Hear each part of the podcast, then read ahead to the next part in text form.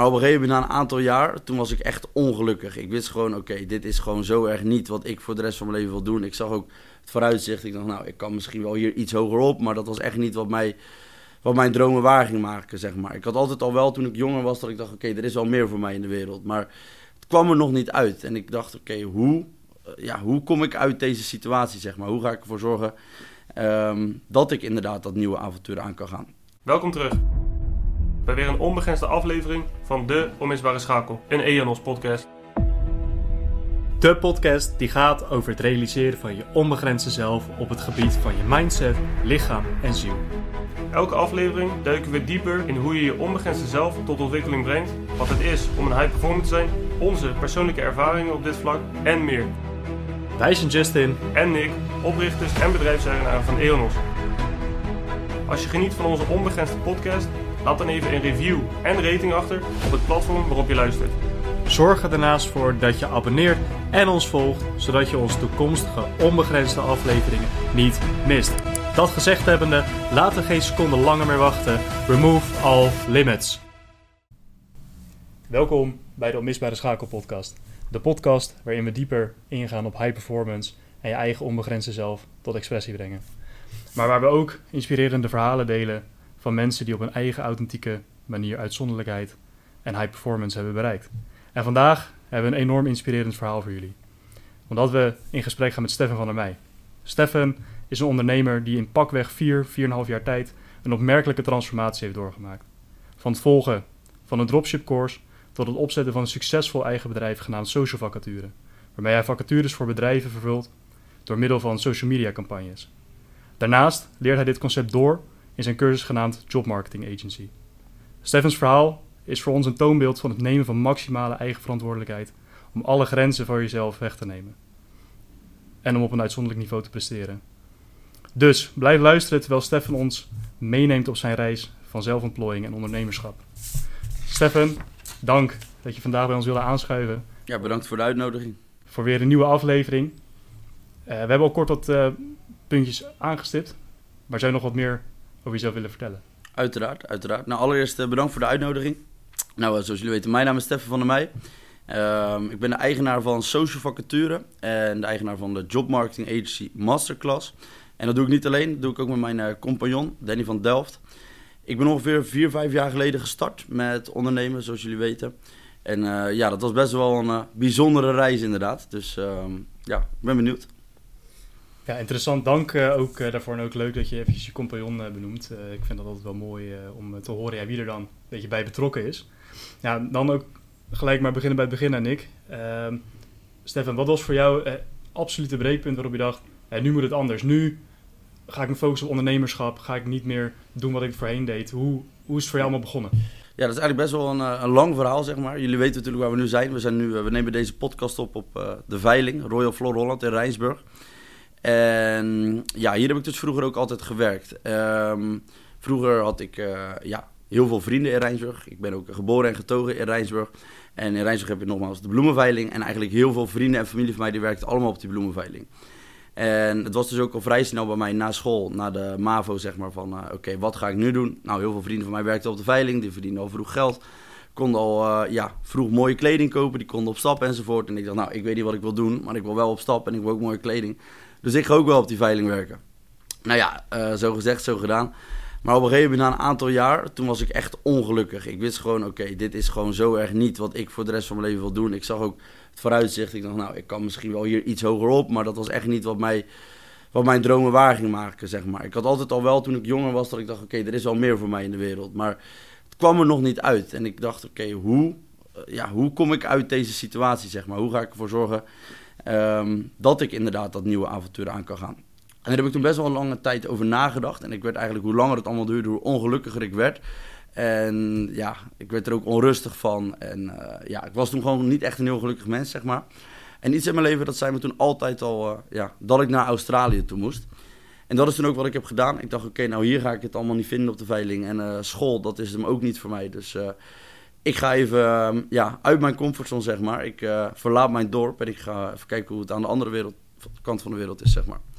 Dus ja, eigenlijk eh, om antwoord te geven op je vraag. Op een gegeven moment dat ik gewoon zo ongelukkig was met het werk wat ik deed. En ik dacht, oké, als ik hier blijf, gaat er niks veranderen. Ik denk dat dat wel ehm, ja, de grootste, het grootste punt was, zeg maar. Ja, je moest eigenlijk gewoon een hele andere thuissituatie eigenlijk opzoeken om ervoor te zorgen dat je ook kon veranderen natuurlijk. Zeker, zeker. Ik zie, ehm, als ik daarop terugkijk, kijk, dit is een heel klein dorp. Je leert hier op een bepaalde manier denken. Iedereen die doet dingen op een bepaalde manier. En jij denkt dat het ook zo hoort, zeg maar. Ehm, dus ja, ik kan ook iedereen aanraden om als hij nog niet helemaal weet, oké, wat wil ik met mijn leven? Wie ben ik nou echt, zeg maar? En die daar nog niet achter is. Ik kan iedereen 100% aanraden om dan voor een uh, tijdje je oude dorp te verlaten. En een keertje voor een half jaar ergens anders te gaan wonen. Op een plek waar je nog niemand kent en waar je nog niks kent. Want daar uh, ja, kan je eindelijk, eindelijk een soort van uh, toch een beetje achterkomen wie je bent. Want dan kan je zelf nadenken zonder de invloeden van al die mensen om je heen. En dat uh, heeft mij wel veel gebracht, zeg maar. Ja, mooie ja, praktische tip ook eigenlijk gelijk. En nou ja, goed, je ging dan naar Australië. maar wat, wat ging je daar dan doen? Hè? Want het is, de stap nemen is natuurlijk al spannend. Maar ja, wat, dan kom je daar en dan? Ja, ik had toen wel vanuit Nederland een baantje geregeld. Uh, want ik had toen ook nog niet heel veel geld. Ik dacht, nou oké, Australië is best duur. Ik moet natuurlijk ook uh, daar gelijk mijn huur betalen enzovoort. Dus ja, ik moest er al wel gaan werken. En ik dacht, nou, waar heb ik verstand van? Het enige wat, uh, waar ik toen de tijd nog verstand van had, dat was bloemen. Dus ik, je hebt daar de Sydney Flower Markets. En dat had ik opgezocht via Instagram. En toen had ik gesolliciteerd bij een van die bedrijven via Instagram. Nou, wel twintig mails gestuurd. En uiteindelijk was er één man die reageerde. En ehm, nou, toen had ik dus afgesproken dat ik daar zou gaan werken. En dat was van 1 uur s'nachts tot 9 uur in de ochtend. Dus ja, dat was ook gewoon echt aanpoten aan. Dat werk was ook echt niet leuk. Toen was ik nog erger dan hier op de veiling. Maar ja, ik dacht gewoon, ik moet hier weg. Ik moet weg uit Rijnsburg uh, voor een tijdje. Um, dus ja, toen ben ik daar op de, ja, ook op de bloemenveiling een soort van daar gaan werken. Maar toen ik ongeveer één of twee maanden in Australië was, toen heb ik gelukkig wel een, een nieuw baantje gevonden. En dat was op een rooftop bar midden in Sydney. En dat heeft me uiteindelijk best wel veel gebracht, zeg maar. Maar ik moest eerst even nogmaals even doorbijten daar om uh, ja, een nieuw baantje daar te vinden. Nogmaals. Wat heb je toen ook gemerkt toen je eigenlijk die nachtdiensten in principe werkte? Dat dat ook ja, niet echt goed uh, op je lichaam was? Dat je merkte dat er heel veel verandering ook gelijk um, plaatsvond? Ja, en het was ook nog eens, ik deed het op maandag, woensdag en vrijdag. Dus je hele ritme was fucked up, zeg maar. Want op dinsdagavond probeerde ik dan wel weer op tijd te gaan slapen. Nou, woensdag moest ik weer heel vroeg mijn bed uit. En donderdagavond probeerde ik wel weer op tijd te gaan slapen. Dus er zat totaal geen ritme in. Dus dat ten eerste. En daarnaast was het ook zo, uh, ja, ik ging natuurlijk ook een beetje naar Australië om ook een beetje nieuwe mensen te leren kennen enzovoort. En ja, wanneer die mensen eigenlijk, um, hoe zeg je dat, leuke dingen aan het doen waren, uh, dan lag ik te slapen. En wanneer, wanneer hun aan het slapen waren, was ik aan het werken. Dus uh, dat werkte niet echt inderdaad. Nee, lastig is dat dan inderdaad. Ja, nachtrust slapen natuurlijk ook als je iets, iets wil bereiken, is ook gewoon cruciaal. Ja. En nou goed, het, uh, Australië is natuurlijk het uh, beginpunt uh, dan een beetje geweest. Maar ik heb natuurlijk een beetje opgezocht. maar in Australië gebeurde eigenlijk iets heel bijzonders voor jou. Je kwam daar een bepaald persoon tegen en die hij zette ja. die knop om, die brak de knop eigenlijk misschien zelfs. en toen dacht je, hé, hey, dit, dit, dit ga ik doen. Ja, exact, exact. Ik, zoals ik net zei, ik ben toen op een rooftopbar gaan werken in Sydney. En ik bloeide daar eigenlijk al helemaal op, zeg maar. Ik werkte daar in de zon en ik had heel veel aanspraak met mensen, want ik moest die mensen hun eten serveren. En ik had toch een bepaalde aantrekkingskracht, denk ik, tot mensen. Want iedereen vroeg, waar kom je vandaan en wat doe je? En ik raakte dan met heel veel mensen in gesprek. En ik merkte echt dat ik daar uh, gewoon echt wel heel blij werd, zeg maar. Ik vond het werk ging elke dag met plezier naar mijn werk, zeg maar. En er zat op een gegeven moment ook elke dag iemand te werken met zijn laptop in de zon, met zo'n pokeball en wat lekkers te drinken. En hij was ook altijd heel vriendelijk tegen me. Ik dacht, volgens mij zit jij ook wel goed in je vel, zeg maar. Dus op een gegeven moment vroeg ik een keer aan hem, uh, toen hij daar weer zo zat met zijn laptop en zijn pokeballs drinken. Ik zei, uh, wat doe jij dan voor werk? En eerst begon hij over dat hij iets met social media deed en met uh, online werken. En toen ik iets dieper bij hem ging graven, toen vertelde hij dat hij dropshipping deed. Nou, ik had eigenlijk nog bijna nooit van dropshipping gehoord. Maar ik ging op een gegeven moment dus toen uh, daarna dropshipping opzoeken op mijn telefoon. En nou ja, dan pakt het algoritme je natuurlijk. En toen al snel uh, kwam Joshua Kaats voorbij mijn tijdlijn met een advertentie. En ja, toen heb ik zo'n gratis training van hem gevolgd. En toen dacht ik, oké, dit is eigenlijk precies wat ik wil. Want hij, uh, achteraf weet ik natuurlijk hoe zo'n gratis training van hem bijvoorbeeld werkt. van, um, ja, hij laat je toch ook wel zien wat er mogelijk is met dat businessmodel. En alles wat hij liet zien wat er mogelijk was door middel van dat businessmodel, dat wilde ik. Um, en ja, uiteindelijk is die investering in zijn cursus heel belangrijk voor mij geweest. Want uh, ja, dat was wel het begin van mijn ondernemerscarrière, zeg maar.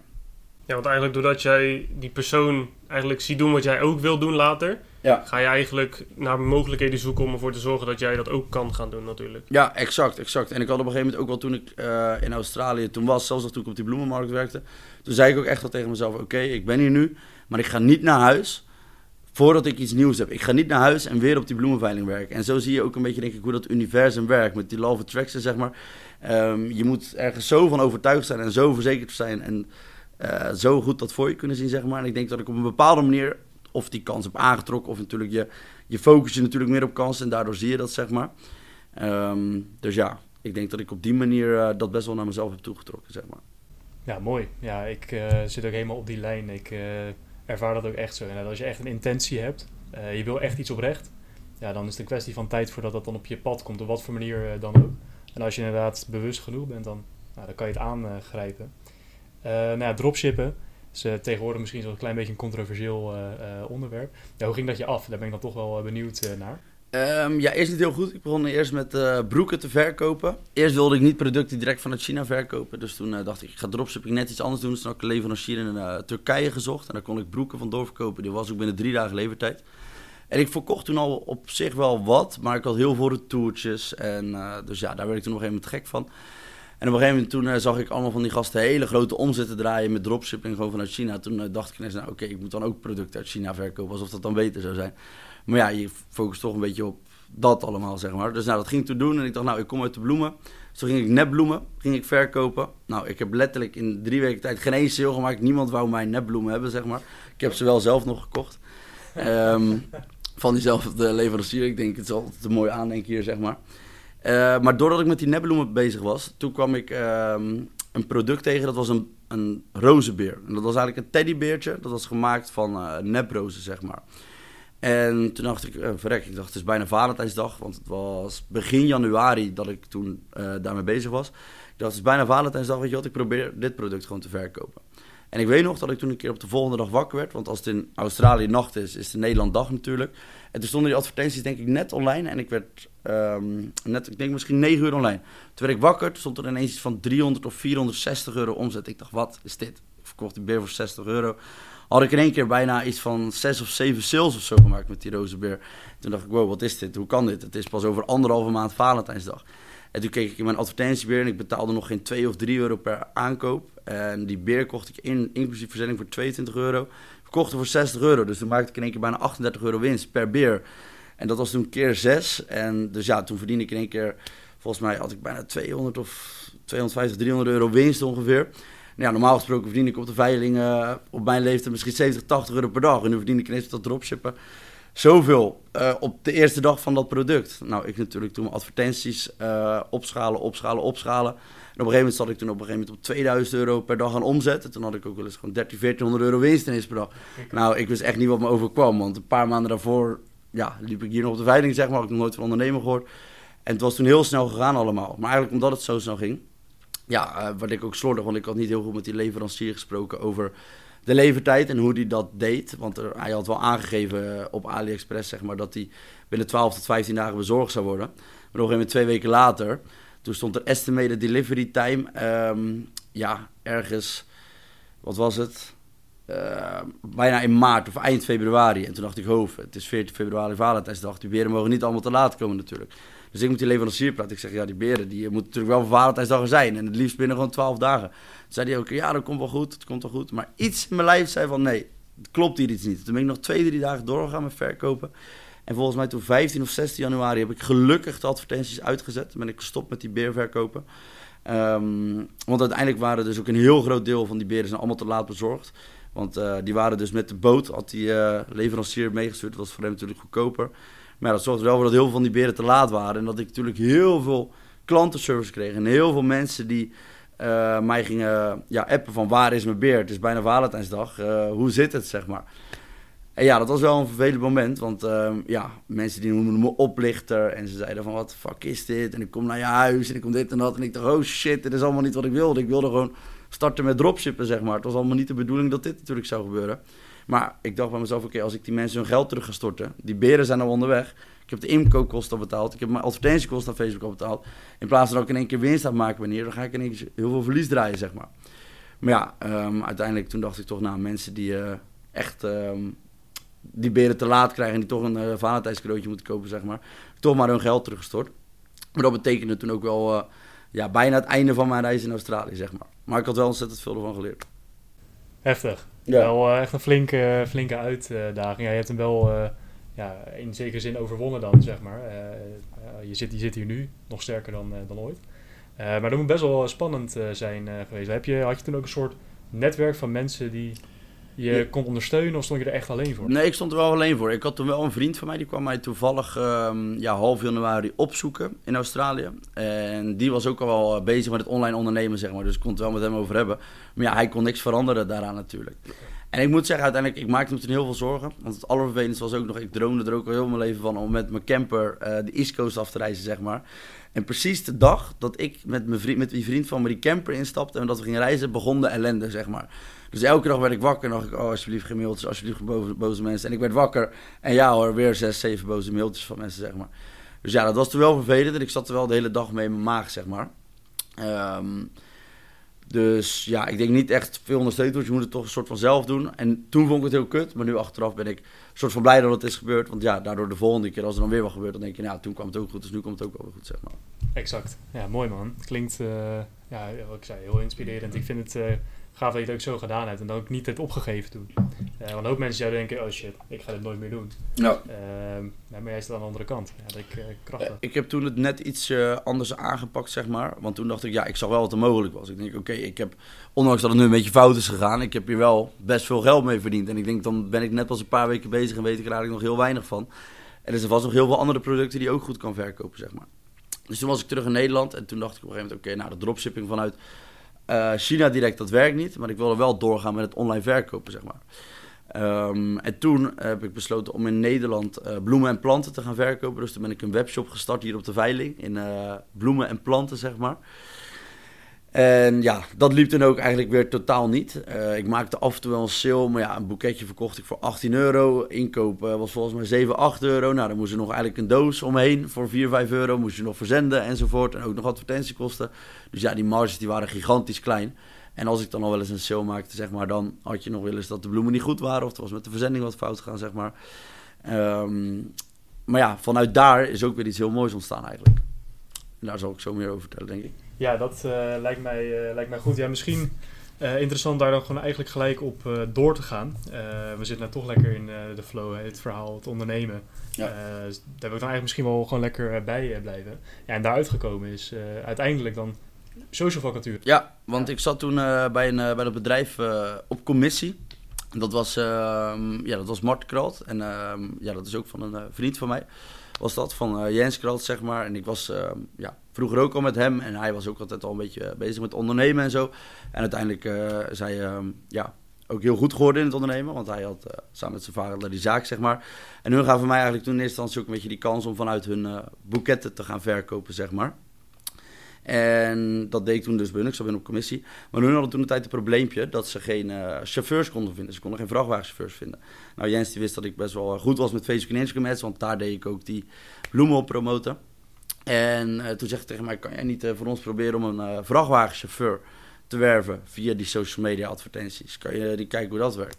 Nou, in eerste instantie had ik er niet zoveel van verwacht. Maar ik dacht, nou ja, in ieder geval, ze betalen ervoor en kon het geld goed gebruiken. Dus ik dacht, waarom zou ik het niet doen? En nou, we hadden die campagne opgezet voor een vrachtwagenchauffeur. Echt binnen twee weken tijd hadden we 109 gestarte gesprekken. Toen de tijd deed ik nog zonder een leadformulier, zeg maar. Uh, toen de tijd als iemand erop klikte, op de advertenties kwamen ze direct de Facebook Messenger terecht. Dus dan hadden we 109 gestarte gesprekken van vrachtwagenchauffeurs in principe in twee weken tijd. En natuurlijk was niet elke lead even waardevol, maar uiteindelijk hadden ze wel meerdere chauffeurs aangenomen. Volgens mij een stuk of drie, vier. En uiteindelijk kwam ik er toen achter, oké, hun hebben aan mij 500 euro betaald voor deze campagne, voor vrachtwagenchauffeurs zeg maar. En toen kwam ik er dus achter dat al wouden hun drie chauffeurs van een uitzendbureau, dat ze 8000 euro betalen voor één vrachtwagenchauffeur. Dus normaal gesproken via een uitzendbureau of een recruiter zouden ze 24.000 euro kwijt zijn. En aan mij betaalden ze 500 euro. Dus toen dacht ik, wauw, oké, ik heb hun nu drie, vier chauffeurs aangeleverd. Via eigenlijk iets wat best wel simpel is, want ik weet hoe dit werkt en het kost mij misschien toen de tijd een uurtje om het op te zetten. En ik heb hun dus eigenlijk bijna 23.500 euro bespaard en het werkt. En nou ja, toen ging ik eigenlijk meer onderzoek doen. En toen zag ik, oké, ik zie eigenlijk nog heel veel bedrijven die niet hun... Ik zag gewoon eigenlijk nog geen, bijna geen bedrijven die hun vacatures promoten via social media. Ik zag ook bijna geen... Ik zag, kon geen één agency vinden die gespecialiseerd was in het promoten van vacatures op social media, zeg maar. Hoeveel onderzoek ik ook deed. Ik ging op YouTube kijken. Ik zag nog helemaal niemand die praten over het promoten van vacatures op social media. Terwijl normaal alles is te vinden op YouTube en op het internet. Toen dacht ik, wauw, nu heb ik misschien dan toch eindelijk echt iets in handen, zeg maar. En ja, vanuit daar ehm, toen eigenlijk ja, doorgegaan met bouwen, bouwen. Eh, op een gegeven moment, ja, we, zijn, we zitten natuurlijk op de veiling. Heel veel mensen kennen elkaar. Op een gegeven moment hoorden mensen natuurlijk, er waren natuurlijk meer bedrijven hier op de veiling die ook chauffeurs zochten. En op een gegeven moment, toen ging ik nog een bedrijf hier helpen op de veiling. En nou ja, die vertelde weer tegen een andere iemand in zijn netwerk van ja, Stefan van mij die heeft ervoor gezorgd dat ik eh, twee nieuwe chauffeurs heb. Die vertelde weer tegen die. En zo ging het een beetje als lopend vuurtje. Toen kreeg ik eigenlijk in een vrij korte tijd best wel wat klanten, zeg maar. En ja, toen heb ik wel besloten om er vanaf dat moment al in te gaan op social vacature. Want ik weet niet of jullie er ook tegenaan nog wel eens lopen. Maar ehm, ik had vooral toen de tijd dat ik alles tegelijk wilde doen. Ik had echt... Uh, ik had dat boek Think Grow Rich gelezen. En dan moet je zo'n brief aan jezelf schrijven, zeg maar, met wat je uh, gaat doen. Nou, ik heb, nog, ik heb ze allemaal bewaard. Ik heb nog een hele doos met allemaal brieven aan mezelf die ik heb geschreven. En had ik letterlijk soms vijf van die brieven aan mezelf. En in elke brief stond dat ik weer wat anders ging doen. Oké, nu ga ik dit doen. Nu ga ik zus doen. Nu ga ik zo doen. Allemaal verschillende businessmodellen. En achteraf, nu ik erop terugkijk, waren dat best wel veel goed. Maar je kan niet als je start alles tegelijk doen. Je kan niet allemaal businessmodellen tegelijk doen. Je moet je vastbijten in één iets. Zorgen dat je daar goede omzet mee draait, dat dat consistent is. En pas als dat heel goed loopt en het staat en het is geautomatiseerd, pas dan kan je eigenlijk een beetje gaan kijken naar andere dingen. En gelukkig kwam ik daar op tijd achter, want toen heb ik toen de tijd dus tegen mezelf gezegd: Oké, de rest is allemaal basta. Nu 100% op social facturen. Social facturen werkt. Je hebt klanten, klanten komen naar je toe. Mensen zijn blij met je, je krijgt goede reviews. Dus ja, vanaf dat moment uh, ben ik toen al ingegaan op social facturen. En nu een paar jaar later uh, zijn we hier, zeg maar. Ja, wat, wat, een verhaal. Het is wel ook mooi om te zien hoe eigenlijk je, je eigen overtuiging en je mindset zo gefocust in één keer kan zijn op social vacature. En dat je dan denkt van oké, okay, ik wil zoveel verschillende dingen eigenlijk ja. wel doen. Maar op een gegeven moment moet je toch gewoon kiezen van oké, okay, dit is waar ik wel ver mee in ga komen. Ja, nou ik denk dat dat ook iets is wat ik geleerd heb gaande tijd natuurlijk. Want um, daarom ben ik ook eigenlijk, het, het, hoort erbij, weet je. Heel veel mensen die starten een businessmodel en uh, vroeger dan moest je bijvoorbeeld, en je moest naar de bank en je moest een uh, bedrijfsplan gaan maken en dan moest je dat gaan doen, zeg maar. En als dat dan niet lukte, dan was je eigenlijk een soort van gefaald. Maar eigenlijk waar ik echt achter ben gekomen, um, is bij mij, oké, ik heb dropshipping gedaan, ik heb verschillende webshops gehad. Ik heb het er net niet over gehad, maar ik heb ook nog affiliate marketing gedaan. Ik heb ook nog heel veel andere kleine businessmodelletjes geprobeerd, zeg maar. En dat is allemaal mislukt, zeg maar. Maar doordat ik al die verschillende businessmodellen heb geprobeerd, ben ik uiteindelijk hierop gekomen. Want ik begon uh, met boeketten verkopen. En uiteindelijk ben ik toevallig factures gaan promoten. Maar dan had ik nooit begonnen met dropshipping. En ik had nooit al die verschillende businessmodellen geprobeerd. Had ik nooit toevallig op het idee van social facturen gekomen, zeg maar. Dus ik denk dat ik gaandeweg echt gewoon heb geleerd um, ja, dat het dus niet werkt. In principe om je op zoveel dingen te focussen. Maar totdat je echt iets hebt wat werkt. Als je het soms bedoelt. Dus ja, uiteindelijk als je dan iets hebt wat werkt. En je ziet, oké, dit is omzet. Hier geloof ik in. Hier heb ik een goed gevoel bij. Dan moet je gewoon al ingaan, zeg maar. Ja, ja mee eens. Wij hebben zelf uh, natuurlijk uh, EANOS, uh, ons bedrijf, focussen natuurlijk op high performance mensen die net een stapje verder willen gaan en wij geloven erin. Hè. En met, een, met de juiste supplementen dat je inderdaad jezelf echt ja. een boost kan geven. Maar ja, toen wij met z'n tweeën gingen praten, nou, wat gaan we nou doen? Ja, wij wisten het ook niet. We dachten van ja, wat product. we hadden ook inderdaad Think and Grow Rich gele gelezen, allebei brieven geschreven, noem maar op. Het is ook wel mooi dat dat ook zo'n recurring team is bij iedereen die denkt, hey, er moet toch meer uh, zijn, want dat herken ik ook heel erg bij mezelf.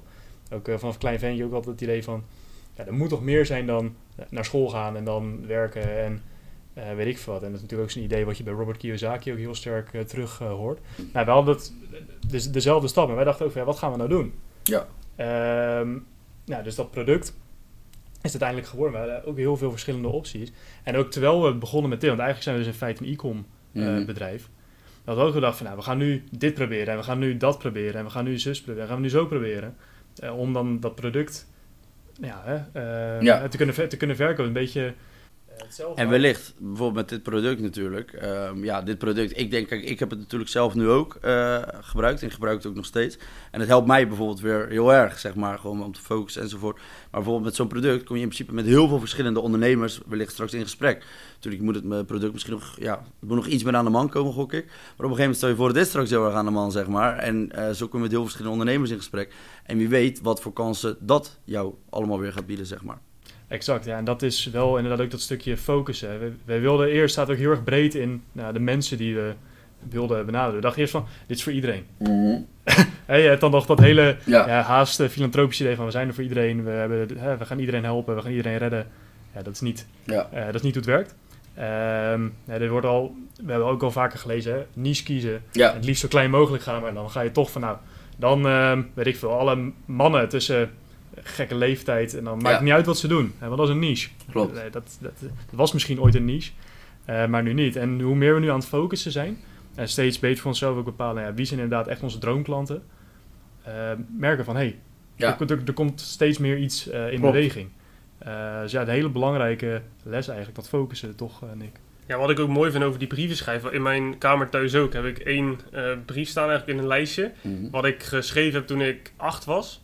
En dan, eh, ik had er twee gemaakt. Eentje, en daar heb ik ook cijfer voor gekregen vroeger natuurlijk. Mhm. Dus ik heb, eh, ik heb er twee gemaakt. Eentje had ik gemaakt van... ehm, ja, ik wil in een klein huis wonen. En gewoon normaal eh, huisje, boompje, beestje, dit en dat. Daar had ik toen een zes of zo voor gekregen. En toen heb ik er nog eentje, die heb ik ingelijst. En daar staat, ik wil in een groot huis wonen, zodat ik heel veel... Ja, dat was vroeger natuurlijk. Zodat ik heel, ehm, heel veel kan spelen, heel veel vriendjes uit kan nodigen.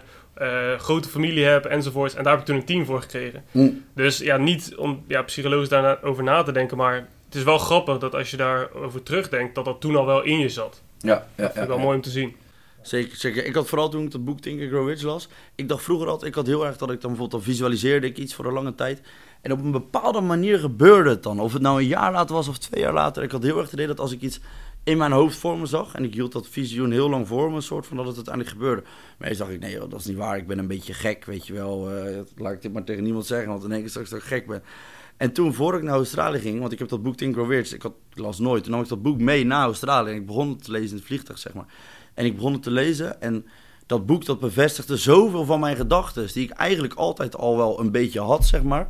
Maar die ik nooit durfde uitspreken, omdat ik dacht, nee, dan lijk ik raar. En uiteindelijk was heel veel van die dingen die in dat boek stonden, dat was dus eigenlijk eh, hoe ik ook al lang best wel vaak dacht, zeg maar. En eigenlijk dat boek, dat bevestigde simpelweg ja, heel veel van mijn gedachten. Dus ik dat een beetje een soort gelijk iets is, zeg maar. Ja, heel herkenbaar. Dat ik kom misschien eh, zo meteen nog even op terug, want ik, ja, ik boeken, ik ben er gek op. Ook vooral dit soort boeken die dan heel veel bevestiging geven. Ehm, ja, dan ben ik eigenlijk ook wel benieuwd. We hebben nu eigenlijk een beetje gehad op, nou ja, wat heb je gedaan om naar te komen eh, waar je dan nu eh, bent. Maar ben ik ook wel benieuwd, wat zijn dan nu je belangrijkste doelstellingen en waarom? Ehm, en hoe ga je eh, ervoor zorgen dat de doelstellingen die je nu hebt, dat je die gaat realiseren? Ja, eh, mijn belangrijkste doelstellingen, even denken.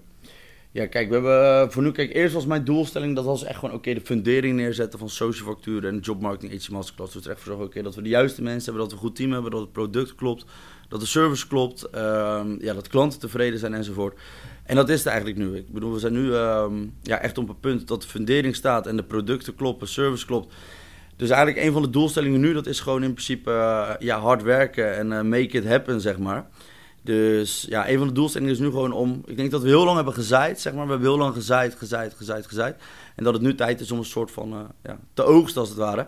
Maar ja, dat gaat niet zonder discipline en ehm, sacrifice, denk ik. Dus ja, voor mij is nu een doelstelling om me echt te focussen op... eh, ja, om gewoon gedisciplineerd te werken, om de afspraken met mezelf na te komen. En om ehm, ja, dat ook echt gewoon voor een eh, langere, consistente tijd vol te houden, zeg maar.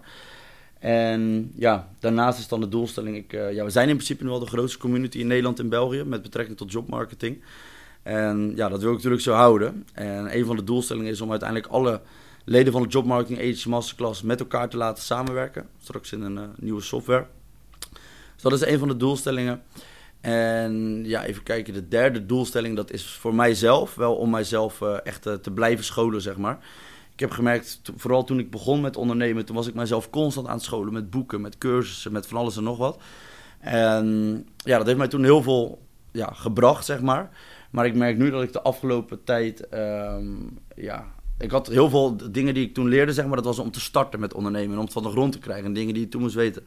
En ja, nu staat het eigenlijk allemaal en ik merkte dat ik de laatste tijd ehm, iets te weinig deed aan zelfscholing. Maar ik denk wel, ja, de manier om eh, on top of the game te blijven en om je te blijven ontwikkelen, dat is ook door jezelf te blijven scholen en te blijven leren nu van mensen die ook al een level verder zijn, zeg maar. Dus ja, dat is wel een derde doelstelling voor mij om ook eh, ja, nu nog meer weer te gaan focussen op eh, zelfeducatie. Ja, mooi. Ja, ik ja, ik vind dat echt fantastisch mooi om te horen. Want je- de grootste investering in jezelf, ehm, of ja, de grootste investering die je kan doen is in jezelf. Dat is dat eh, ja, gezegde, zeg maar. En dat is ook zo. Als je iets eh, wil, hè, begin dan eh, bij, bij jezelf. Ja. 100%. Als ik ook terugkijk op alle tijd eigenlijk. ik heb best wel heel veel geld in, in mezelf geïnvesteerd. Ook in heel veel verschillende coaches enzovoort enzovoort. En ik moet zeggen, ik heb ook best wel eh, wat misinvesteringen gedaan. Dus ik heb ook echt wel... eh, ja, dan was er iemand die heel erg hard riep op social media. Van eh, ik ga ervoor zorgen dat jij dit en ik ga ervoor zorgen dat je dat. En ja, sommigen die maken het gewoon niet waar, zeg maar. Maar achteraf, als ik erop kijk, toch heb ik overal wat aan gehad. Want ook al kan je maar... Ik heb wel eens een traject voor 5000 euro gekocht. Nou, dat was eigenlijk niet goed. Dan komen we terug op dat focuspuntje, zeg maar. Ehm, wat ik eerst deed met social vacaturen, dat was dat ik zei op onze website... eh, wij helpen bedrijven bij het vervullen van vacatures, zeg maar. Dus eigenlijk sprak ik alle soorten bedrijven aan. En toen ging ik adverteren aan die pagina. Nou, er kwamen maar geen leads binnen, er kwamen maar geen leads binnen. Ik denk, jee, maar hoezo reageren al die bedrijven niet? Nou, ik had dat terecht gekocht voor 5000 euro. Eigenlijk echt, ik kreeg bijna niks uit. Ik dacht, nou, alles weet ik al. En je hebt echt, ik ben niet blij met wat jij mij hebt verkocht. Maar er stond toen één tip in. En dat was in plaats van dat je op iedereen focust, focus je op eh, eh, één branche. En lever die branche één service. Dus dat ik in een coaching ook zeg, hoe bedoel je dat dan precies voor mijn business? Toen zei hij, in plaats van dat jij zegt, eh, wij helpen bedrijven bij het vervullen van vacatures. Zet op je website, wij helpen transportbedrijven bij het werven van de geschikte CE-chauffeur. Oftewel vrachtwagenchauffeur. Nou, dat ben ik toen gaan doen. Dus ik had toen een nieuwe funnel aangemaakt en daar stond: Wij helpen transportbedrijven bij het werven van de geschikte CCE-chauffeur. Bekijk hier een case studie van hoe wij transportbedrijven helpen. Vanaf dat moment echt keer 10 gewoon. Dezelfde ad naar dezelfde landingspage. In één keer kregen we twee, drie calls per dag met bedrijven. Hadden we in één keer drie, vier nieuwe opdrachten per week. En dat is door zo'n kleine switch. Maar ik had nooit verwacht. Ik dacht, oké, ik koop nu eh, voor 5000 euro een traject. Dan ga ik heel veel kennis uithalen. En uiteindelijk heb ik er eigenlijk bijna niet, ja, heel weinig kennis uitgehaald. Maar dat ene kleine tipje, al zou ik nu achteraf erop terugkijken, al had ik 20, 30.000 euro moeten betalen voor die tip, had ik het ook gedaan achteraf. Want dat is het meer dan waar geweest, zeg maar. Dus ondanks dat je dan soms denkt, oké, eh, het is het misschien niet helemaal waard geweest. Ook al kan je er maar één dingetje uithalen wat jou weer een stapje vooruit brengt. Ja, dan is het het waard, zeg maar. En met die mindset zit ik nu ook op, eh, op het gebied van zelfeducatie. Dus ik ben benieuwd wat me nog te wachten staat op dat gebied. Want heb je nu ook eh, een coach of, of ben je nu gewoon met je team verder aan het werk? Of, eh, Ehm, ik heb nu niet echt één coach, zeg maar. Ik weet in ieder geval wel, ehm, ja, als ik nu iets niet weet, of ik moet iets weten, bijvoorbeeld ik wil iets doen en ik weet iets niet, dan weet ik wel op welke knoppen ik moet drukken om aan die kennis te komen, zeg maar. Ik moet zeggen, ik heb wel zeer recent een eh, traject gevolgd van LiveLab bij Bas Buls en Jorik Wieten. Ik vertelde natuurlijk dat ik mijn discipline en mijn eh, performance eh, beter wil krijgen, zeg maar. Dus dan heb ik van hun een twee, voor twee maanden een één op één traject gevolgd. En hun hebben mij heel veel geleerd inderdaad over... ehm, Oké, hoe kan je je dag het beste indelen? Welke voeding eet je? Ook over vasten. Dus ehm, normaal gesproken had ik in de ochtend gelijk brood met eieren... en een hele uitsmijter enzovoort. En dan zat ik hier op kantoor... En dan had ik ineens helemaal geen focus. En ik denk, maar hoezo kan ik nou niet gewoon lekker werken en zo en zo. En hun vertelde me, oké, probeer gewoon niet te ontbijten in de ochtend. En om 12 uur eet je alleen eiwitten en vetten. En daarvan heb ik geleerd dat ik veel meer focus heb nu door de hele dag heen. En pas aan het einde van de dag, dan eet ik pas mijn eiwit, mijn koolhydraten voordat ik ga sporten. En ja, dat heeft mij, eh, die ene tip, dat heeft me ontzettend veel gebracht. Want ik weet zeker, ja, ik heb een bepaald bedrag betaald voor dat traject. Maar doordat ik nu zoveel meer focus heb, door die ene kleine tip, weet ik zeker dat ik dat er al lang heb uitverdiend in de afgelopen twee maanden, zeg maar. Ehm, dus om nogmaals goed antwoord te geven op je vraag. Ik heb nu niet echt een lopend traject. Maar ik zie wel, oké, als ik iets moet weten, dan heb ik eigenlijk wel ehm, op bijna ieder vlak, denk ik wel, eh, een coach waar ik eh, naartoe kan grijpen, zeg maar. Interessant, ja. En ook mooi dat je die kanalen hebt. Ja, wij, ik, wij sferen zelf wel bij een coach ook. Eh, in ieder geval, of in, in de vorm zoals jij het eh, zojuist hebt gezegd, dat je mensen hebt die je Ja, bepaalde expertise hebben, daar heel veel van afweten. En dat je precies. een lijntje hebt en dat je dan eh, ook van hun te horen krijgt van hey, Ja. dit, dit zijn gewoon bepaalde principes. Ja. Eh, als je dat volgt, hè, dan Ja, ik geloof zelf heel erg in specialistische kennis. En met mijn businessmodel eh, ja, heb je best wel heel veel verschillende aspecten. Kijk, ik heb hiervoor altijd coaches gehad, hè. laten we dat voorop stellen. Ik, ehm, heb heel veel, ik heb heel veel geleerd van mensen die iets al hadden gedaan, zeg maar. Dus ik heb altijd eigenlijk coaches gehad, alleen nu op dit moment dan toevallig niet. Ehm, ik zit soms wel te denken, oké, wat zou voor mij een volgend coachingstraject zijn? Nog niet helemaal voor nog goed over nagedacht, maar ik denk dat het meer iets wordt eh, qua management, zeg maar. Want ik dacht, eerst was altijd mijn doel, oké, later, ik moet, er moet omzet zijn, er moet winst gemaakt worden. Maar nu kom ik straks ook wel op een punt dat ik ehm, ja, dat soort dingen beter moet gaan managen, zeg maar. Bijvoorbeeld eh, met eh, boekhoudingen en hoe kan je echt vermogen opbouwen, hoe kan je geld slim gaan investeren enzovoort. En dat zijn nu wel dingen, ehm, ja, waar mijn volgende, wat, wat ik zou zien als een potentieel volgend coachingstraject, zeg maar. nou mooi. Dus om echt eh, ja, macht te krijgen over je financiën, zeg maar. Want doe je zelf nu ook investeren of beleggen? Of, Nee. Nee, nog niet eigenlijk. Ehm, kijk, ik denk van mezelf, ik geloof er best wel in, in het investeren enzovoort. Eh, maar ik denk de beste investering voor mij, dat is nu gewoon mijn eigen business. Ik bedoel, ehm, ja, ik zie echt, als ik investeer in mijn business, dat is waar ik het het snelste uithaal, zeg maar. En ik geloof echt heilig in wat wij doen. En ik geloof ook dat met wat wij doen, dat er nog ontzettend veel in te doen is. Dus nu investeren we eigenlijk bijna alles nog terug in, ehm, ja, in onze eigen business, zeg maar. Maar ik zit er nu wel een klein beetje naar te kijken om ehm, ja, ook eh, misschien ja, een klein beetje in andere dingen te gaan investeren. Zeg maar. Je ziet natuurlijk ook dat eh, het geld verandert. Je ziet natuurlijk eh, wat er allemaal aan de hand is met de banken in Amerika en eigenlijk ook in Nederland en met dat eh, crypto enzovoort. En hiervoor zag ik crypto echt nog een beetje als schokken, zeg maar. Ik zag heel veel vrienden van me die deden dat. Nou, eentje haal, pakte weer een keer een beetje winst, die had weer ineens verlies en zat alleen maar zaten zo te scrollen van hoe staat het ervoor. Dus daar ben ik toen niet echt begonnen, maar nu ik wel een beetje die verandering zie. Ehm, ja, denk ik wel dat het belangrijk is om eh, daar meer te weten over te komen. En om eventueel als je een keer een gat te ziet, om dan, dan toch een keer in zoiets te investeren. Ja, helemaal eh, mee eens. Eh, misschien nog wel leuk om daar heel kort op in te gaan. voor de mensen die daar niet zoveel van af weten. Kijk, ik ben ook geen grote financieel expert, dus neem dan een korreltje zout. Maar je hebt natuurlijk wel, ehm, als je op de achtergrond kijkt, zie je dat de positie van de dollar gewoon heel erg achteruit gaat. Ja. Dus geld wordt minder waard. Dus in het westen is de, eh, en eigenlijk op de rest van de wereld is de dollar de reservepunt van de wereld, maar de dollar zal op instorten. Ja. Eh, De BRICS-landen, Brazilië, Rusland, India, China en eh, Zuid-Afrika, die hebben de handen ineen geslagen om met een nieuwe munteenheid te komen, ge- gedekt met nou grondstoffen. En de dollar is een petroleummunt hè, met olie. Ja, er zit weinig achter meer, zeg maar. er zit weinig achter. Vooral, nou ja, Saudi-Arabië was de linking pin. hè, dus alle olie van Saudi-Arabië in dollars. En eh, nou, de hele wereld kon alleen aan olie komen als je dollars had. Nou, enzovoort, enzovoort. Ja, Maar nu is die pin die is los. ja. En het staat allemaal op losse schroeven. En je ziet eh, zeker ook grotere eh, ondernemers en investeerders die... Die stoppen ook een beetje met investeren nu. Ja. Vooral hier in Nederland ook met dat soort dingen. Dus, Ja, dus het staat echt op losse schroeven allemaal. Dus ja, ja, zie, dat zie het gaat- als een rode vlag. wees, wees alert en ga, hou je ogen open voor nieuwe mogelijkheden. Ja. Onder andere crypto bijvoorbeeld. ja, dus daarom denk ik, kijk, ik wil niet zeggen dat ik daar dan heel erg in wil investeren, maar ik wil wel ja, weten wat, me op, wat de opties zijn en wat er een beetje gebeurt eh, op dat gebied, zeg maar. Want ehm, ja, ik denk dat het heel belangrijk is dat je wel weet in wat voor systeem we leven en hoe je met dat systeem om moet gaan, zeg maar. En dat je daar beter een klein beetje op tijd bij kan zijn dan eh, de rest van de mensen. 100% mee eens, eh toch? Ja, zeker. En eigenlijk natuurlijk, social vacature is nu eh, goed van de grond, zal ik het zo zeggen. En eh, je hebt natuurlijk je privéleven ook nog daarnaast. Eh, hoe hou je eigenlijk die balans daartussen? Tussen je werk, je privéleven? Ehm, hoe hou ik die balans tussen werk en privé? Ja, ehm goede vraag. Kijk, ik moet zeggen, ik heb best wel veel vrijheid gecreëerd voor mezelf en social vacature, zeg maar. Ehm, en dat eh, ja, is ook natuurlijk omdat ik een hele goede compagnon heb, Danny. En Danny, mijn compagnon, die runt eigenlijk social vacature, zeg maar, met, het, eh, met de rest van het team. Ik ben er uiteraard wel bij, eh, heel goed bij betrokken. Ik weet precies wat er gebeurt met social vacature. Maar Danny runt als het ware social vacature. En ik focus me daarnaast 100% op de Job Marketing Agency Masterclass. En ja, ik weet eigenlijk werk en privé best wel gescheiden te houden. Ik heb, eh, vroeger was het natuurlijk altijd dat ze, ja, thuiswerken, dat is lekker en dat is top. Nou, ik heb thuis geprobeerd te werken. Ik heb thuis ook een setting voor mezelf geprobeerd te maken. Maar ik, het lukte mij niet zo goed. Ik kreeg niet zo goed mijn focus daar. En ik was automatisch of weer bezig met wat anders. Of ik ging weer even de hoofdstraat in om wat te eten te halen. Of ja, thuiswerken, dat was het gewoon niet zo goed voor mij. Dus toen op dat moment heb ik gewoon besloten, oké, thuis is thuis. Dus van thuis heb ik echt mijn thuis gemaakt. En dat is heel comfortabel voor mij, zeg maar. En ja, hier op mijn kantoor ben ik gewoon echt om te werken, zeg maar.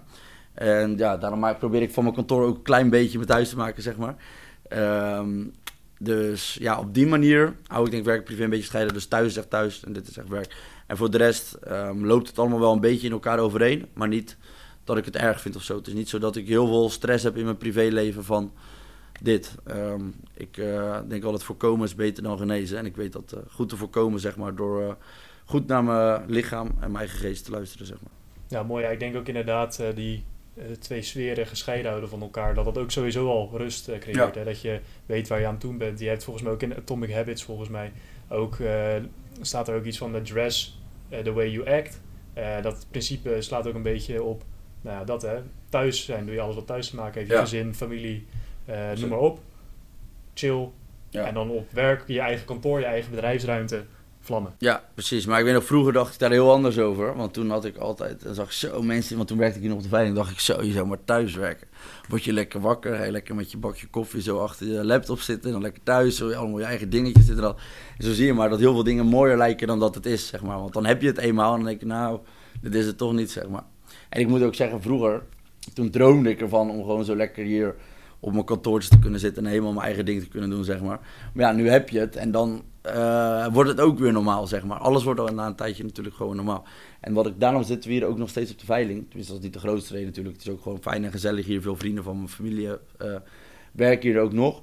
Maar wat ik af en toe doe als ik het dan zat ben achter die computer, loop ik gewoon even beneden de veiling in. En dan denk ik, oh ja, dit is precies weer uh, wat ik niet wil doen zo meteen, zeg maar. Dus ik ga weer snel achter mijn laptop zitten en aan de gang. Dus uh, dat. Ja, dat is ook wel een mooie soort uh, negatieve spiegel die uh, heel dichtbij ja, is. Ja, ja. Van, nou, dit, dit wil ik absoluut. dat is niet de bedoeling, zeg maar. Absoluut niet, nee. En laten we trouwens niet, ik wil niet te, te negatief praten over de veiling, want ik heb ook hele mooie tijden gehad met vrienden en familie. En heel veel mensen kunnen er uiteraard gewoon natuurlijk goed hun geld mee verdienen en die vinden het leuk. maar ja, de, de handel zelf vond, trok mij gewoon niet. Um, ik zag de handel niet, ik voelde de handel niet. En andere mensen hebben dat wel. Dus het is niet zo dat ik negatief wil praten over de wijding, maar het was gewoon niet mijn ding. Zeg maar. Nee, precies. Maar dat is uh, sowieso ook in het algemeen ook over dat de wereld anders ervaren. Uh, sowieso gewoon werk je hele leven bij, bij een ja. baas. Er is in principe niks uh, op tegen. Maar als je een bepaalde ja, drive of een soort ambitie hebt die daar niet mee strookt, ja, dan moet je op zoek gaan naar alternatieven. Ja. ik denk dat dat het belangrijkste is, dat je het zo ziet. Het is geen goed of slecht. Nee. als iets voor jou werkt, dan werkt het. Er zijn meerdere wegen naar Rome toe. Ja, ja, ja, exact. Maar daar kom je heen. Kijk, je hebt ook uh, veel dat mensen zeggen van... Uh, ja, uh, sommige, je ziet sommige mensen die verwisselen van veel van baan, zeg maar. En dan zeggen mensen, ja, hij verwisselt alleen maar van baan. Maar ik denk, ja, dat doet hij hartstikke goed. Want zo kom je erachter wel, wat jij leuk vindt, zeg maar. Als je alleen maar bij een dezelfde werkgever blijft werken, ja. Of je vindt dat natuurlijk al heel leuk, dan is het helemaal goed. Maar je hebt ook mensen die gaan, die gaan niet um, verwisselen van baan. Want dan denken ze van, oh, dat staat misschien slecht op mijn cv of weet ik het wat. Maar ja, je moet er toch achter komen wat je leuk vindt. En de enige manier om erachter te komen wat voor werk jij leuk vindt en wat je leuk vindt om te doen, is door heel veel verschillende dingen te proberen. Eens. Ja, en anders roes je vast, denk ik. Ja, zeker. En dan kom je in een sleur en dan uh, kom je er op een gegeven moment uh, lastig uit, zeg maar, als je daar niet de juiste kennis voor hebt.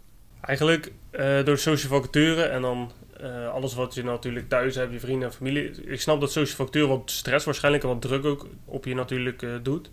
Hoe ontspan je als je thuis komt? Of ga je naar de sauna? Of wat doe je? Um, ja, ik, uh, nou, ik woon in Noordwijk, Noordwijk aan Zee, in de Hoofdstraat. En daar heel vlakbij zit uh, Azuro Wellness. En ja, dat is voor mij echt een, uh, hoe zeg je dat? Daar kan ik niet meer zonder, zeg maar. Dus um, ja, daar lig ik denk ik vijf, zes dagen in de week. En ja, wat ik dan eigenlijk probeer, tenminste dat is in de winter zo. In de zomer ga ik dat wel even omturnen. Maar wat ik in de winter deed, dan was ik gewoon hier de hele dag op kantoor. En ja, dan ging ik naar kantoor, dan ging ik even eten. En dan ging ik zeg maar sporten, ook bij Azuro. En dan was ik om een uur of zeven, half acht klaar. En ja, dan ging ik gewoon zonder telefoon, um, ga ik dan in de wellness liggen, zeg maar. Dan neem ik dan mijn boek mee. En dan hoop ik ook dat er zo min mogelijk mensen waar ik tegen gaan praten, zeg maar. En dan ga ik daar gewoon liggen en dan ja, kom je heerlijk tot rust. Uh, dan heb je gewoon uh, ja, infrarood sauna, stoomsauna, bubbelbad, zwembad. En ja, dat is ook perfect om te gaan slapen. Want ja, lig je dan s'avonds in de sauna, je komt thuis, je doet nog thuis een half uurtje je dingetjes. En dan ga je lekker in bed in, zeg maar. Dus um, ja, die wellness dat heeft, doet mij wel heel veel goed, zeg maar. Raad je mensen ook aan om dat ook te doen? 100 procent, 100 procent. Ja, zeker. Ook een soort uh, investering uh, in jezelf? Uh, ook een investering. Ik betaal volgens mij 116 euro ongeveer. Maar ehm, ja, het is 100% een investering in jezelf. En ook voor netwerk. Kijk, het is natuurlijk, ik heb, bij mij is dat net iets anders. mijn businessmodel, dat sluit aan bij heel veel verschillende ondernemers. Want ja, wij door middel van uh, de database van social media kunnen wij elke doelgroep bereiken die wij willen met vacatures. Dus wij kunnen letterlijk bijna elk bedrijf helpen. Nou, laten we bij Azuro nou net ook uh, ja, natuurlijk best veel ondernemers uh, sporten, zeg maar. Dus ik heb daar ook wel wat klanten gevonden. Dus dat is ook wel leuk. Ja, kijk, ja, zo zijn er, als je hè, bewust bent, zijn er overal mogelijkheden. Dat, ehm, ja, mooi ook weer eigenlijk, hè? Dat, is, dat je daar dan gewoon kansen, kansen kan aangrijpen. Ja, en daarnaast ook, behalve Azuro, um, ja, weet ik thuis ook wel heel goed mijn rust te vinden eigenlijk. Ik heb thuis echt wel uh, een fijne plek voor mezelf gecreëerd, zeg maar. En het is ook soms gewoon heel lekker om uh, in de ochtend te gaan hardlopen langs het strand. En dan zie je de zon opkomen en de vogels en dan is er nog niemand op het strand. En dan, uh, ja, dat doet je wel goed, zeg maar. Omtrent alles. Heb je zelf ook een, een routine, ochtend-avondroutine? Of... Ja, zeker. Ja, avond niet echt, ochtend wel. Ehm, voor de mensen die luisteren, maak je niet druk. Het lukt mij ook niet altijd om aan mijn ochtendroutine te houden. Eh, vaker niet dan wel, zeg maar. Maar mijn perfecte ochtendroutine, dat is eigenlijk dat ik eh, dan bijvoorbeeld wakker word tussen zes en half zeven. Nou, dan sta ik op. Dan, eh, het eerste wat ik doe is direct mijn SBA-sheet. Dat is eigenlijk een sheet waarin ik een soort van Vision Bird, informaties, Wikipedia, pagina van mezelf die ik dan doorlees, zeg maar. Om gewoon ja, in mijn hoofd te drillen wat ik wil en dat je die, die visie niet kwijtraakt, zeg maar. Nou, vervolgens pak ik dan een, ehm, ja, dan zet ik de douche aan en dan wordt die gelijk koud. En dan probeer ik, voordat hij warm wordt, probeer ik hem weer uit te zetten. Dus dan een soort van koude douche. En dat is gewoon echt een snelle douche met verwakkerd worden. En dan, ehm, ja, dat lukt wel helemaal niet vaak. Maar dan is de bedoeling om te gaan hardlopen, zeg maar. Uh, afgelopen week is het wel drie keer gelukt trouwens. Dus dan ga ik uh, hardlopen in de ochtend, maar dat is wel uh, nog vroeg. Maar dat is juist heel lekker, want dan ben jij in je eentje aan het hardlopen. Iedereen ligt nog op zijn bed, de zon komt op, de vogeltjes fluiten. Nou, dat iedereen zich nog op zijn bed ligt, dan voel jij je direct ook beter en anders dan de rest, zeg maar. Nou, en dan kom ik thuis en dan probeer ik eigenlijk 10 minuten te mediteren. Daarna ga ik in bad met een boek en dan is het meestal een uur of negen ongeveer. Of half tien. En dan, uh, ja, dan ga ik naar kantoor toe. En dat is de perfecte ochtendroutine eigenlijk. En als ik dat doe, als dat lukt, dan voel ik me echt super jongen gewoon. Dan voel ik me echt mega goed de hele dag. Um, en daarom vraag ik me soms ook af, ik denk, jemig, ik denk, waarom lukt dat dan niet altijd, zeg maar. Maar ik denk dat dat ook een, uh, dat ook een reis is, zeg maar, om uh, ja, die discipline voor jezelf te creëren. Dat je gewoon geen, uh, um, hoe zeg je, niet meer met jezelf discussieert. En ik moet zeggen dat ik dat vroeger, toen drie, vier jaar geleden, maar toen moest ik natuurlijk dit allemaal nog starten. Toen lukte het wel, vijf dagen achter elkaar, meerdere keren. Maar ik denk omdat ik nu toch op een bepaald punt ben dat ik Um, ja, ik ben er nog lang niet. Ik ben nog lang niet waar ik wil zijn natuurlijk. Ik heb het nu uh, voor mijn leeftijd oké en ik kan leuke dingen doen. Ik ben gelukkig, maar ik ben natuurlijk nog lang niet waar ik wil zijn. Maar ik denk dat ik nu wel bepaalde van mijn vroegere dromen behaald heb, zeg maar. Uh, dat ik daardoor iets lakser ben geworden in die ochtendroutine, zeg maar. Ja, ik vind het ook wel mooi, dat, uh, want een koude douche natuurlijk. Aan het begin hey, vind ik, vond ik een koude douche ook totaal niet lekker. Weet je wel, dan was het uh, van warm weer heel zachtjes, weet je wel, steeds iets kouder. Ja. Maar nu is het vaak, dan uh, gaat hij aan. En dan loop ik eigenlijk gewoon naar de douche toe en dan duik ik gelijk onder. Ja, geen, uh, geen gedachte Nee, geen discussie meer. En dan gewoon, wat ik ook heel vaak doe bij een koude douche, is gelijk door mijn neus ademen. Gewoon gelijk ademhaling proberen rustig dat is te een houden. goede tip misschien. Ja. Gewoon eigenlijk de ademhaling gelijk rustig, want anders ga je heel veel eigenlijk op je boven op je borst ademen, weet je, omdat je heel, Ja. omdat je natuurlijk een beetje die shock krijgt van die koude douche. Dus daarom probeer ik, als ik eronder staan, dan hou ik altijd mijn adem in. En dan wacht ik even en dan probeer ik eigenlijk een soort van, want vaak wil je dan gelijk je adem uitblazen en dan weer inademen natuurlijk. Ja. Probeer ik een beetje vast te houden en dan rustig door mijn neus ademen en dan is die, is, die koude, is die koude dus ook niet meer zo koud. Ga ik proberen, goede tip. En in de zomer gaat het ook nog wat makkelijker. En wat ik soms nog probeer, je hebt bijvoorbeeld op vrijdagochtend heb je altijd bootcamp bij Azudo. En dan gaan we daarna, eh, na die bootcamp, dat is om 9 uur, gaan we daarna de zee in. Maar dat is ook gewoon in de winter. Nou, dan voel je je helemaal goed als je dat voor elkaar krijgt. Want dan is die wellness ook echt een cadeau. Dan ga je eerst, die heb je eerst gebootcampt, dan ligt de tijger over het strand en dan moet je de zee in. En dan heb je het koud, jongen, koud. En dan kan je heerlijk die wellness in en dan is die wellness echt een trofee. Maar wat ik dus nu eigenlijk wil doen, wat ik eraan vast wil plakken, eh, dat ik dan na het hardlopen, zeg maar, dat ik dan mezelf nog even de zee ingooi. Maar dat is nog een extra stap erbij. Ik weet zeker dat die al helemaal niet elke ochtend gaat lukken, maar dat zou wel echt ultimate zijn als het elke ochtend lukt, zeg maar. Maar Ja, en die mooi, kou, eh, die brengt je echt tot leven. Eh, althans, dat is mijn ervaring ook. En ik denk dat het voor jou eh, ook is. Je Mm. voelt je gewoon aan. Als, als ik niet koud gedoucht heb, ja, dan komt er niks, eh, niks uit. Maar die koude douche is voor mij echt eh, heilig. Eh Ja. Al is dat inderdaad het enige wat ik doe in, de, in mijn ochtendroutine. Ja, Die moet. Als ik, als ik echt aan wil staan, ja, maar je kan er niet anders dan aanstaan. Want je lichaam krijgt gelijk zo'n zo'n Ja. klap eh, te verwerken. Weet je wel, boom. Ja. Wakker, wakker worden. klopt. En ja, ik, eh, ik vind het heerlijk. Ja, en die zee ook. Ja, en het brengt ook een soort van gelukshormoon of ze naar boven, volgens mij. Ik weet niet wat het is. Ja, nee, ik, eh, misschien wel. Ja, Voor mij brengt een koude douche twee tot drie keer meer dopamine in je naar boven dan bepaalde voeding volgens mij. Zoiets ja, was het. ja, Dat vind ik ook een goeie op een gegeven moment. Ehm, voor de mensen misschien ook een goede tip. Wat voor mij heel erg heeft gewerkt. Ik had, soms dan zit ik in één keer in periodes, dan probeer ik heel erg mijn dopamine te halen uit slechte dingen. Bijvoorbeeld zoals eh, roken, eh, scrollen op je telefoon, eh, alcohol, domme dingen, zo. Ik denk een van de beste manieren om, je, manieren om je leven op korte termijn een soort van om te turnen, zeg maar. Ik denk dat ten eerste is discipline. En ten tweede is proberen om, je, om een soort van dopamine detox te doen. Een soort van dopamine detox. Dus bijvoorbeeld maximaal anderhalf schermtijd per dag. Geen alcohol. Ehm, gewoon niet die dingen waar je normaal gesproken je dopamine van haalt, maar dat je echt probeert de dopamine uit goede dingen te halen. Zoals sporten, inderdaad, koude douche, mediteren, lezen. Gewoon overwinningen tegenover jezelf. Dan krijg je goede dopamine van. Op een gegeven moment, al hou je dat een paar dagen vol, dan voel je je daardoor zo goed en blij met jezelf, dat je het op een gegeven moment kan proberen te blijven doen. En ik denk dat dat, want dat is altijd voor mij de kortste termijn om een mindset om te schakelen en om mezelf echt een stuk beter te voelen, zeg maar. Ja, eens. Ja, het is, uh, je hebt ook uh, zo'n soort regeltje met uh, het aanleren van nieuwe gewoontes. Ongeveer 21 dagen wordt wel eens gezegd, ook online veel een beetje in die high performance kringen. Mensen die met mindset bezig zijn, dan nog eens 90 dagen om echt een lifestyle ja. te maken. Maar vooral die eerste 21 dagen, als je dan echt even die knop om kan zetten, gewoon even bewust, ja. soms vaak met meer tegenzin dan zin, dat doen. Ja, ja. bizar wat je dan uh, voor elkaar krijgt. Exact. Ja, als je nu natuurlijk ook kijkt naar de tijd van nu, je kan, dopa, je kan zo makkelijk aan je dopamine shot komen. Dat is nog nooit zo makkelijk geweest. Je opent de telefoon, je hebt gelijk TikToks, weet precies wat jij wil zien. Ehm, ja, je kan op je telefoon ook hele andere dingen zien natuurlijk voor uh, mannen en vrouwen. vroeger dan moest je erachteraan, dan moest je naar buiten, dan moest je de wilners in. Weet ik het allemaal. Nu is het allemaal heb je het in je hand. Dus ik denk ja, echt de snelste manier om het om te turnen is gewoon om je dopamine uit goede dingen te halen, zeg maar. Raad je ook mensen aan om minder op social media te zitten? Uh, ja, tot op zekere hoogte 100% uiteraard. Kijk, ik heb het nog steeds, als ik soms naar mijn schermtijd kijk, dan zie ik Instagram. Kijk, ik gebruik Instagram natuurlijk ook wel voor werk en LinkedIn en zo. Maar ja, soms als ik dan eerlijk ben tegenover mezelf, denk ik nou, dat er echt wel een half uur vanaf gekund, zeg maar, of een kwartier. Uh, soms kan je natuurlijk Instagram ook gebruiken ter inspiratie, 100%. Maar zorg wel dat je de juiste en de goede accounts volgt. Uh, en dat je misschien ja, je hoeft iemand niet te ontvolgen, maar ik demp gewoon een hoop mensen. Bijvoorbeeld als ik denk, nou, dit is alleen maar onzin en ik probeer me tegen te focussen, dan demp ik bijvoorbeeld gewoon heel veel mensen. Dat is wel een goede tip trouwens. Ik weet niet eens of dat uh, kon op uh, Instagram. Want ik heb wel eens dan heel radicaal gewoon mensen ontvolgen. Dat ik dacht, ja, dit voegt uh, niks, ja. niks toe.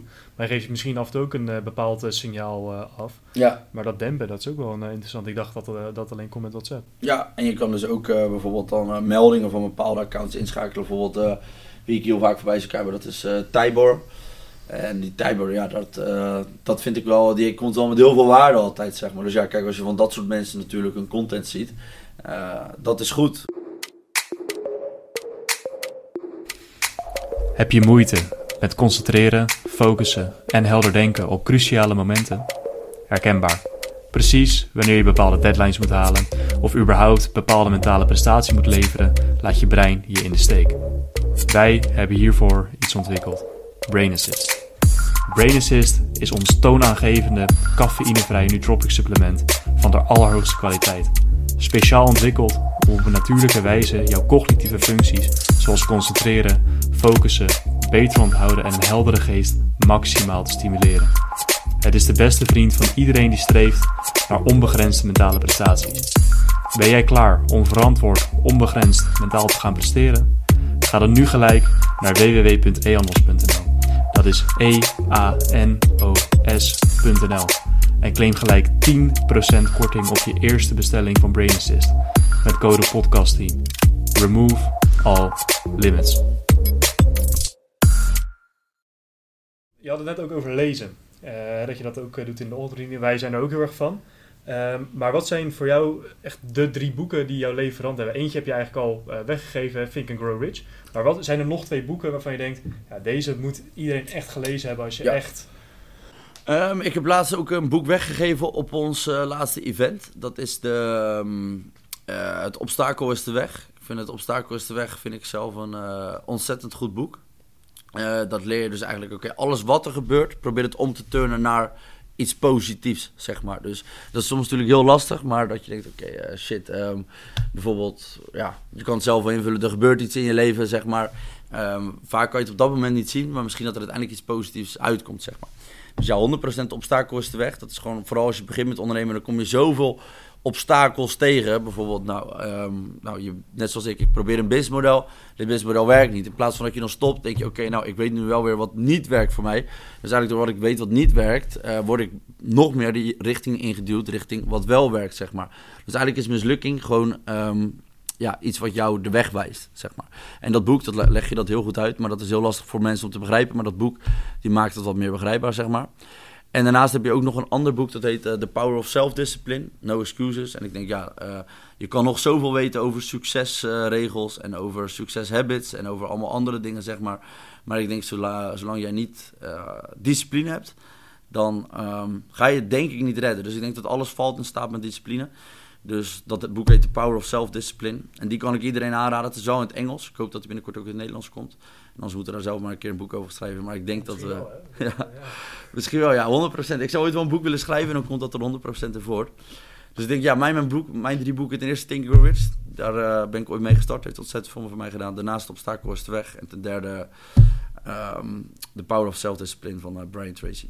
Ik wilde het inderdaad net vragen, wie is de auteur van eh, The Power of Self-Discipline? Want dat boek ken ik niet. Ik eh, ga hem gelijk ook eh, toevoegen aan mijn lijst. Eh, want alles over discipline en zelfdiscipline, ja, daar kan ik geen genoeg eh, van krijgen. Eh, en ook heel veel dingen die je eigenlijk gedurende dit gesprek eh, zegt, zijn voor ons ook heel erg eh, herkenbaar. Eh, wij ervaren de wereld ook echt op die manier inderdaad. Hè. Eh, dingen die slecht gaan, uh, het obstakel is de weg. Eh, de- ehm, wij ervaren het ook zo, oké, dit niet.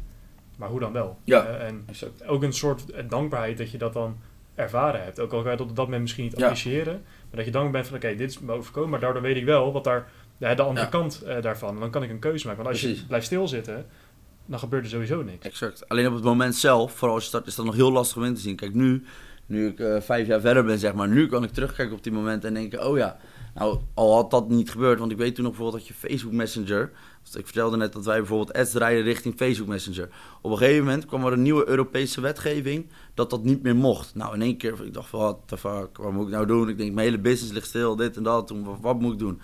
Nou, toen ben ik op zoek gegaan naar een nieuwe eh, software. Van oké, hoe kunnen we het nu beter doen? Dat was Typeform. Uiteindelijk Typeform, die software heeft onze resultaten en onze sollicitanten misschien wel met 40, 50 procent verhoogd. Dat heeft heel onze business doen turnen, zeg maar. Dus eerst was dat Facebook, dat, dat Facebook Messenger niet meer werkte. Dat was eerst heel vervelend. Maar uiteindelijk hebben we er een veel overzichtelijker, gebruiksvriendelijker en professioneler iets aan overgehouden, zeg maar. En uiteindelijk als ik terugkijk heb ik nog heel veel meer van dat soort dingen meegemaakt. Wat achteraf ons juist nog verder heeft gebracht, zeg maar. Maar op dat moment zelf is het soms lastig in te zien. Maar vaak als je dan terugblikt, dan denk je, oh ja, op die manier. Ja, dat eh, klinkt eh, heel goed. Ja, en goed, je hebt al een hoop eh, tips, ideeën en adviezen gedeeld. Maar als je nu iemand, iemand hier hebt die aan tafel zou aanschuiven en die vraagt op advies van... Hey, eh, ik heb een beetje het verhaal aangehoord en eh, ik wil ook eh, gaan beginnen en aan de slag gaan. Eh, die ondernemersreis. Eh, wat, wat is je nummer één advies? Wat, wat, wat zou dat dan zijn nu op dit moment? Nummer één advies. Even denken hoor. Ja, wat ik vroeger waar ik had, vooral toen ik startte, was dat ik heel veel mensen om mij heen had. Die wisten niet wat ik aan het doen was. Die hadden geen verstand van wat ik deed. En die hadden een hele beperkte mindset. Dus dat was gewoon oké, hard werken, zo, zo, zo. Eh, maar ik wist, ik had iets ontdekt en ik voelde aan alles dat ik iets goeds deed, zeg maar. Maar die mensen wisten niet wat het was. Maar ik was wel heel blij om het tegen mensen om me heen te vertellen. Ik ga dit doen, ik ga zo doen, ik ga zo doen. Op een gegeven moment, nou, succes, nou, dat gaat vast niet werken. En dat, deed hem best wel met mij, zeg maar. Maar achteraf hadden die mensen helemaal niet gedaan wat ik wilde doen. Dus daar kon ik ook geen advies van aannemen. Dus mijn nummer één tip is, laat nooit je dromen uit je hoofd praten. Zeg, laat nooit... eh, ik ze mij vroeger altijd een dromer. Ja, dat is maar een dromer, dit en dat, zo, zo. En ik weet zeker dat er veel meer mensen zijn die ook bepaalde dromen hebben, maar die het uit hun hoofd hebben laten praten door mensen die niet zo groot kunnen denken als hun, zeg maar. En die heel beperkt zijn. Dus ik denk mijn nummer één advies is om geen advies aan te nemen van mensen die niet hebben gedaan wat jij wilt. En om ja, gewoon niet die droom die jij hebt eh, te laten varen. Want zolang je niet opgeeft, dan ga je dat 100% redden. En ik denk ten tweede dat we dan ook komen op dat puntje van ehm, ja, discipline en je focus op één ding, zeg maar. Want ik weet zeker dat iedereen die eventueel zou starten, dat die op een gegeven moment heel veel verschillende kansen gaan zien. En dat ze eh, overal kansen zien, zeg maar. Dat ze heel verschillende dingen tegelijk doen. Maar probeer je echt zo snel mogelijk in één ding vast te bijten. En tegen jezelf te zeggen, oké, hier ga ik nu volgens voor. Totdat ik een bepaalde omzet heb. En, eh, oftewel in ieder geval totdat ik gewoon een consistent salaris hieruit haal. En dan kan ik verkiezen, oké, ga ik hier nu mee door? Of ga ik ook een beetje naar andere dingen kijken? Maar eerst één ding heel goed neerzetten. En eh, dat stabiel maken, zeg maar. Ja, fantastisch advies. Zeker. En ik vind het ook mooi, want David Goggins zei natuurlijk ook van... je zal nooit een hater het beter dan jou zien doen. Mooi. En dat is vaak ook het bijzonder. Wat ik ook zie met dat hardlopen in mijn journey eigenlijk na- naar waar ik naartoe wil. Er zijn altijd mensen weet je, die, die haat op je. En dan heb je een wedstrijd en zeggen ze... ja, wees maar blij met een derde of vierde Ja. plek. Maar je kan hem in principe ook winnen. Ja. En dat is waar dan in, in je gedachten dan denk je... dan breek je een beetje. Maar je, je zet eigenlijk weer aan de andere kant... zet je die knop weer om van... oké, ik weet wat ik kan. Hier moet ik gewoon naartoe. Exact. Ik weet nog toen, ik voor het eerst eh, mijn video publiceerde op Facebook over wat ik deed. Dus toen zei ik, nou, ik ben Stefan van der Meij, social facturen, op bedrijf met personeel, werven van personeel. Ik heb er echt twee weken over nagedacht. Ga ik die video posten? Ga ik dit doen? En toen was ik hartstikke bang voor wat mensen om mij heen daarvan vonden, zeg maar. En wie er slecht op ging reageren. Nou, uiteindelijk had ik het erop gezet. En eigenlijk kreeg ik heel veel positiviteit, zeg maar. En uiteindelijk, uiteindelijk waren er uiteraard een paar mensen die dan uh, de grapjes over gingen maken, zo en zo. Maar ja, als ik heel eerlijk ben, als ik nu dan kijk naar die mensen, snap ik bedoel, dan denk ik van nou, maar, had, uh, maak er nog maar twintig grapjes over, zeg maar. En um, nu nog steeds, ik krijg nu nog steeds uiteraard op advertenties en op andere dingen die ik doe, best wel veel uh, negatieve reacties ook af en toe van mensen. Maar ja, ik weet gewoon ja, dat het goed is wat ik doe. En ook vaak ook kijk ik naar de mensen die dan die negativiteit geven. En denk ik, nou, jouw advies hoef ik niet, want jij bent wel lang en na niet waar ik wil zijn, zeg maar. Dus uh, ja, ik denk ook als ik terugkijk naar al die dingen, uh, mensen die echt haat hebben gegeven, dat, waren vaak niet mensen die uh, ja, boven mij stonden, zeg maar. Ik denk ook bij mezelf, als jij hier bent, dan heb jij het niet nodig om iemand die uh, nog hier staat af te kraken en hem een slecht gevoel te geven. Want dan ben je blij met jezelf, dan ben je trots op jezelf, ben je blij met wat je doet, ben je gewoon gefocust op jezelf. En ik denk dat dat een hele goede is om te onderhouden voor mensen die bang zijn voor negatieve reacties. Ja, ik denk dat dat echt een hele is. Ik heb dat af en toe, ook toen ik jonger was, nog steeds, dat je dan toch ergens een soort twijfel hebt. die soort van die angst hè, van, ja, ja. wat zal een ander ervan vinden? Maar dan moet je gewoon dat. Gewoon, gewoon gaan. En daarnaast wat ik ook heb geleerd is, kijk, ik ben, denk natuurlijk uiteraard ook nog eens, oké, okay, wat zal die ervan vinden? Maar uiteindelijk is iedereen bezig met zijn eigen problemen. Bijvoorbeeld, natuurlijk, ik heb uh, ook wel eens een gesprek uh, waar iemand anders uh, aan bod komt, bijvoorbeeld. En um, dan, als ik heel eerlijk gezegd dat gesprek afgelopen is, dan ben ik alweer aan mijn eigen problemen bezig. Van, oh ja, ik moet dan, uh, moet dit en dit bijvoorbeeld betaald worden. Of dan moet dit en dit geregeld worden. En dan en dan moet zus en zo. En we moeten dit, we moeten dat doen, we moeten zo doen. Dus iedereen is eigenlijk in zijn hoofd helemaal niet bezig met andere mensen. Eigenlijk is iedereen gewoon bezig met zichzelf. Maar ja, als mensen met elkaar zijn, dan praten ze, zeg maar. Natuurlijk is het op een bepaalde manier ook belangrijk wat mensen van je vinden. Maar uh, ik denk dat heel veel mensen echt denken dat iemand de hele dag zit te denken van... wat een klootzak, wat een idioot, wat een dit, wat een dat. Maar ik denk niet dat dat helemaal zo is. Nee, dat is, uh, dat is, dat is ook zo. Dat is ook zo'n psychologisch effect. Dat is het spotlight effect. En je hebt er voor mij nog een aanhangend psychologisch uh, concept uh, bij. Ik ben geen psycholoog. Maar dat is wel iets waardoor een hoop mensen zich vaak tegen laten houden. En toen ik jonger was, heb ik mezelf wel eens daardoor tegengehouden om bepaalde dingen te gaan doen. Ja. Totdat je dan op een gegeven moment denkt van ja, maar wat, wat heb ik te verliezen ook? Ja. Weet je wel? En dan je erachter, ja, eigenlijk niet zoveel. Ga ik dood? Nee. nee. verlies ik mijn familie? Nee. Als je de, de, belangrijke dingen allemaal houdt, ja, wat, wat, dan, dan kan je alleen maar winnen. En de juiste mensen om jou heen, die jou dat gunnen, ja, die exact. wil je hebben natuurlijk. En die blijven over, zeg maar. Op die manier kom je er ook snel genoeg achter uh, hoe echt uh, mensen met je zijn, zeg maar. Exact, ja. Ik, uh, ja prachtig advies. Ik uh, ja, had hier nog één vraag staan, maar het sluit eigenlijk een beetje aan op wat we net besproken hebben. Dus ik ga ik lekker laten zitten. Um, ja, goed, uh, we zijn nu een uurtje onderweg uh, met elkaar zo. Uh, laten we daar dan ook gewoon lekker bij laten met z'n allen. Stefan, nogmaals dank dat we met jou in gesprek konden, je advies mochten horen, je verhaal mochten horen en dat je ook even de tijd nam om dit met ons te doen. Ehm, ja, voordat we de aflevering beëindigen, waar kunnen mensen jou en je bedrijf vinden op social media? En, um, ja, ze kunnen mij op Instagram vinden. Mij persoonlijk, um, Stefan VD dat is S-T-E-P-H-E-N. Uh, heel veel mensen weten niet hoe ze mijn naam schrijven. En dan uh, VD Mei. En eigenlijk via mijn uh, bio ja, kan je dan social vacature vinden. En de jobmarketing Age Masterclass.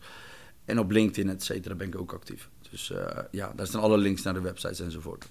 Ik raad jullie aan als allerlaatste tip, volg Stefan. Het is inspirerend. Ik ehm, ja, ga daar gewoon lekker bij laten. Volg Stefan, volg social vacature, volg de jobmarketing agency. En koop de focuspillen, want ze werken echt. Precies. Nick, heb jij nog een mooie uitsluiter, uh, afsluiter? Remove all limits. Yes, sir. Dankjewel. Bedankt voor het bijwonen van weer een onbegrensde aflevering van de Onmisbare Schakel. Laat een rating en review achter op het platform waarop je luistert wanneer je wat aan onze podcast hebt gehad. Dit helpt ons om te groeien en meer mensen te bereiken. Om ze zo te helpen hun onbegrensde zelf te realiseren aan de hand van de Remove All Limits mindset. Als je er klaar voor bent om je onbegrensde zelf te omarmen, ga dan gelijk naar www.eonos.nl en neem de eerste stap. Dan zou ik ook zeggen, we zijn een uur uh, onderweg. Uh, laten we een uh, mooi einde aan uh, maken. Dus een uur lang vol informatie, adviezen, tips, het verhaal van Stefan. waarvoor nogmaals dank. Dat we ja, jullie ook heel erg bedankt dit, voor de goede vragen. En is dit nou? Ongelooflijk. Hij staat dit, dit, dit, kunnen we eruit knippen.